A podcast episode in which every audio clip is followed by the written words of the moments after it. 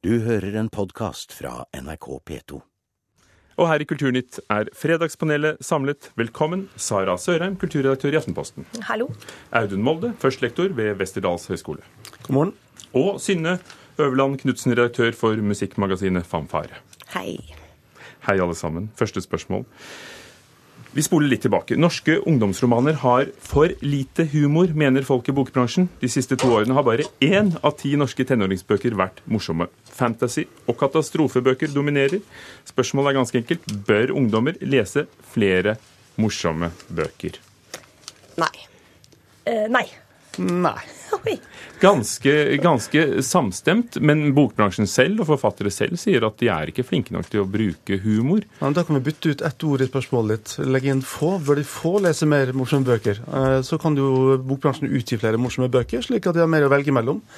Det er jo, jeg visste ikke at det var så lite humor i ungdomsbøker, men eh, det bør jo være det også, slik at man kan velge det man vil lese. Det viktigste er jo at man leser, tenker jeg. Ja, for det var det jeg tenkte på på vei hit også. Jeg prøvde å gå gjennom i hodet mitt hva jeg leste som ungdom selv.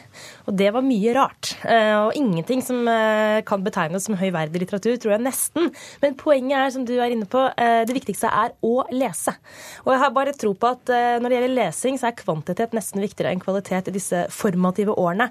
Så bare det å få en vane som er å sitte med en bok og lære seg å like det, det er det jeg er mest opptatt av. Så det er ikke så viktig om det er eh, krim eller humor eller eh, Nancy Drew eller sagaen om isfolket, for den del. For du ble jo kulturredaktør i Aftenposten, så det, det har jo gått bra. Ja, jeg har ikke sagt det til sjefen min, så vi får holde det mellom oss. Men jeg, jeg, jeg vil heller liksom gå tilbake sånn Hva er humor? Fordi det høres liksom, I den diskusjonen her så høres det ut som man kan liksom industrielt produsere humor. Eh, og jeg vet ikke helt hva det er. Jeg. Bare sånn humor, sånn, jeg klarer ikke å bli enig med mine nærmeste hva, hva man skal le av engang. Så det kan jo hende at det, Jeg, jeg stoler ikke helt på statistikken. da. Jeg tror man, det finnes noe morsomt der som kanskje er i en alvorlig, eh, på en måte vanlig alvorlig sjanger. da. Eh, så humor finnes vel overalt, men det trenger jo ikke være en humorbok med stor H.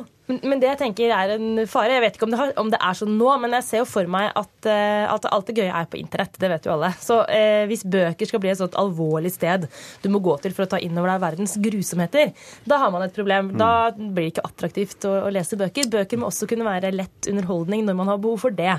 Men, eh, men jeg tror ikke vi er der. Og så er humor veldig undervurdert. da. Humor må ha status. Men er enig med deg, Synne. Altså, humor er viktig i alle livene våre og folk imellom. Men å produsere humor er kanskje vanskelig å skrive gode bøker med humor. Eller lage gode Nesten som å skrive godt, godt om sex. Ja, ikke sant. Og, altså, det er veldig mye som jeg syns er morsomt, men jeg syns veldig sjelden at sånn industrielt produsert humor er så veldig morsomt. da. Enten det er eh, TV-show eller uh, standup-komikere, syns jeg sjelden er morsomt, f.eks. Det som i hvert fall ikke kommer til å funke, er hvis noen forlagsredaktører eh, no offense, men hvis de bestemmer seg for at nå skal vi lage noen skikkelig gøyale bøker for kidsa, så de skal le. Det tror jeg i hvert fall ikke er en god plan. Nei, det er det verste. Jeg tror vel det som ble sagt i reportasjen, var at eh, folk i bokbransjen trodde at forfattere og forlag var redde for at Kulturrådet ikke ville kjøpe dem hvis det var for mye humor i dem. Men men at det- det godt kunne handle om alvorlige ting, selv om man lo underveis. Men det er veldig mange morsomme mennesker i Kulturrådet. Utrolig nok. Jeg tror vi går videre før vi utbroderer. Riksrevisjonen, apropos råd, har gransket kulturen. Mer penger til kultur de siste ti årene har det blitt, men de har ikke gitt folket mer opplevelser, kom de til.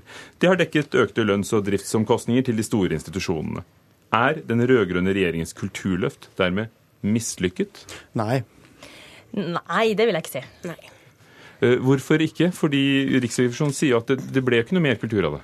Nei, altså, men, men er bare, Mislykket er et for sterkt ord, for det var også mange positive konsekvenser. Det var derfor jeg måtte dra på det. Men Jeg satte det på spissen. det gjør jo dere her. Det gjør vi Dere journalistene. ja. Men uh, det var nok ikke like vellykket i realiteten som det så ut som på papiret. Og det mener jeg blir tydeligere og tydeligere. Og uh, tanken om at du bare kunne øke pengestrømmen, og så skulle det ordne seg, var nok litt naiv. For vi ser at eh, den eh, pengekrana som ble skrudd opp, den førte jo ikke til at det ble mer kvalitetskulturinnhold for publikum. Men hvis den ikke ble skrudd opp, hadde det da blitt mindre, i og med at da måtte pensjonene og lønningene vært betalt av det de hadde fra før av? Nei, men Det som jo skjedde under eh, de rød-grønne og under Kulturløftet, var at kulturindustrien vokste, eller kulturnæringen vokste. Og, og det ble mange flere arbeidsplasser, det ble mange flere ansatte.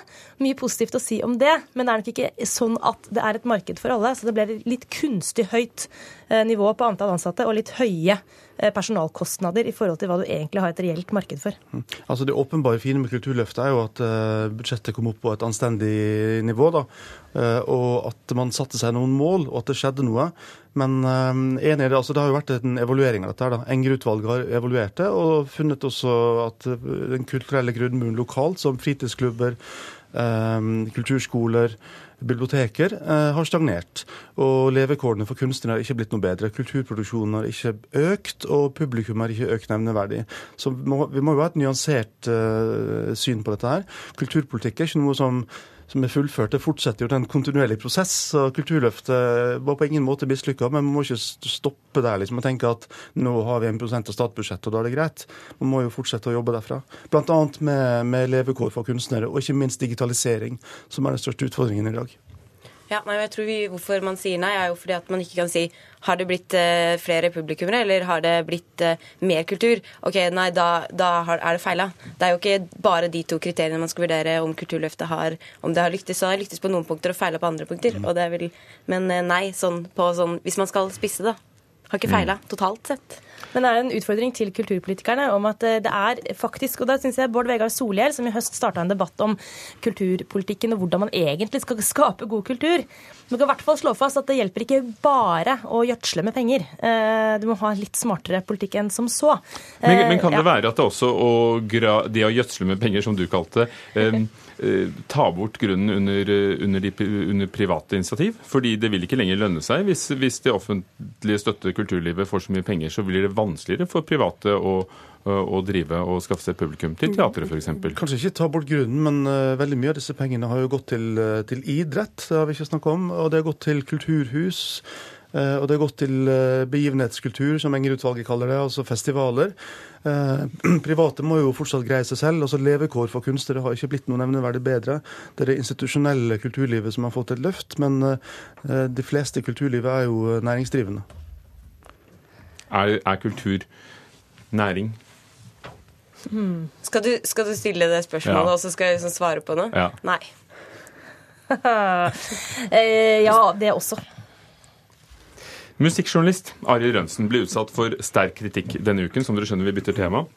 Og ikke bare kritikk, også sjikane fra mange anmelderkolleger. Da han valgte å anmelde Eagles of Death Metal på bloggen sin, bare dager etter at bandet sto på scenen under terrorangrepet i Paris. Var det for tidlig å anmelde platen til bandet som sto på scenen den dagen for en uke siden? Uh, Nja, men så har han ikke gjort det heller. Nei, det var egentlig altfor seint og altfor tidlig. Ja. Det var for sent og for tidlig? Nei, så Poenget er at det var feil timing.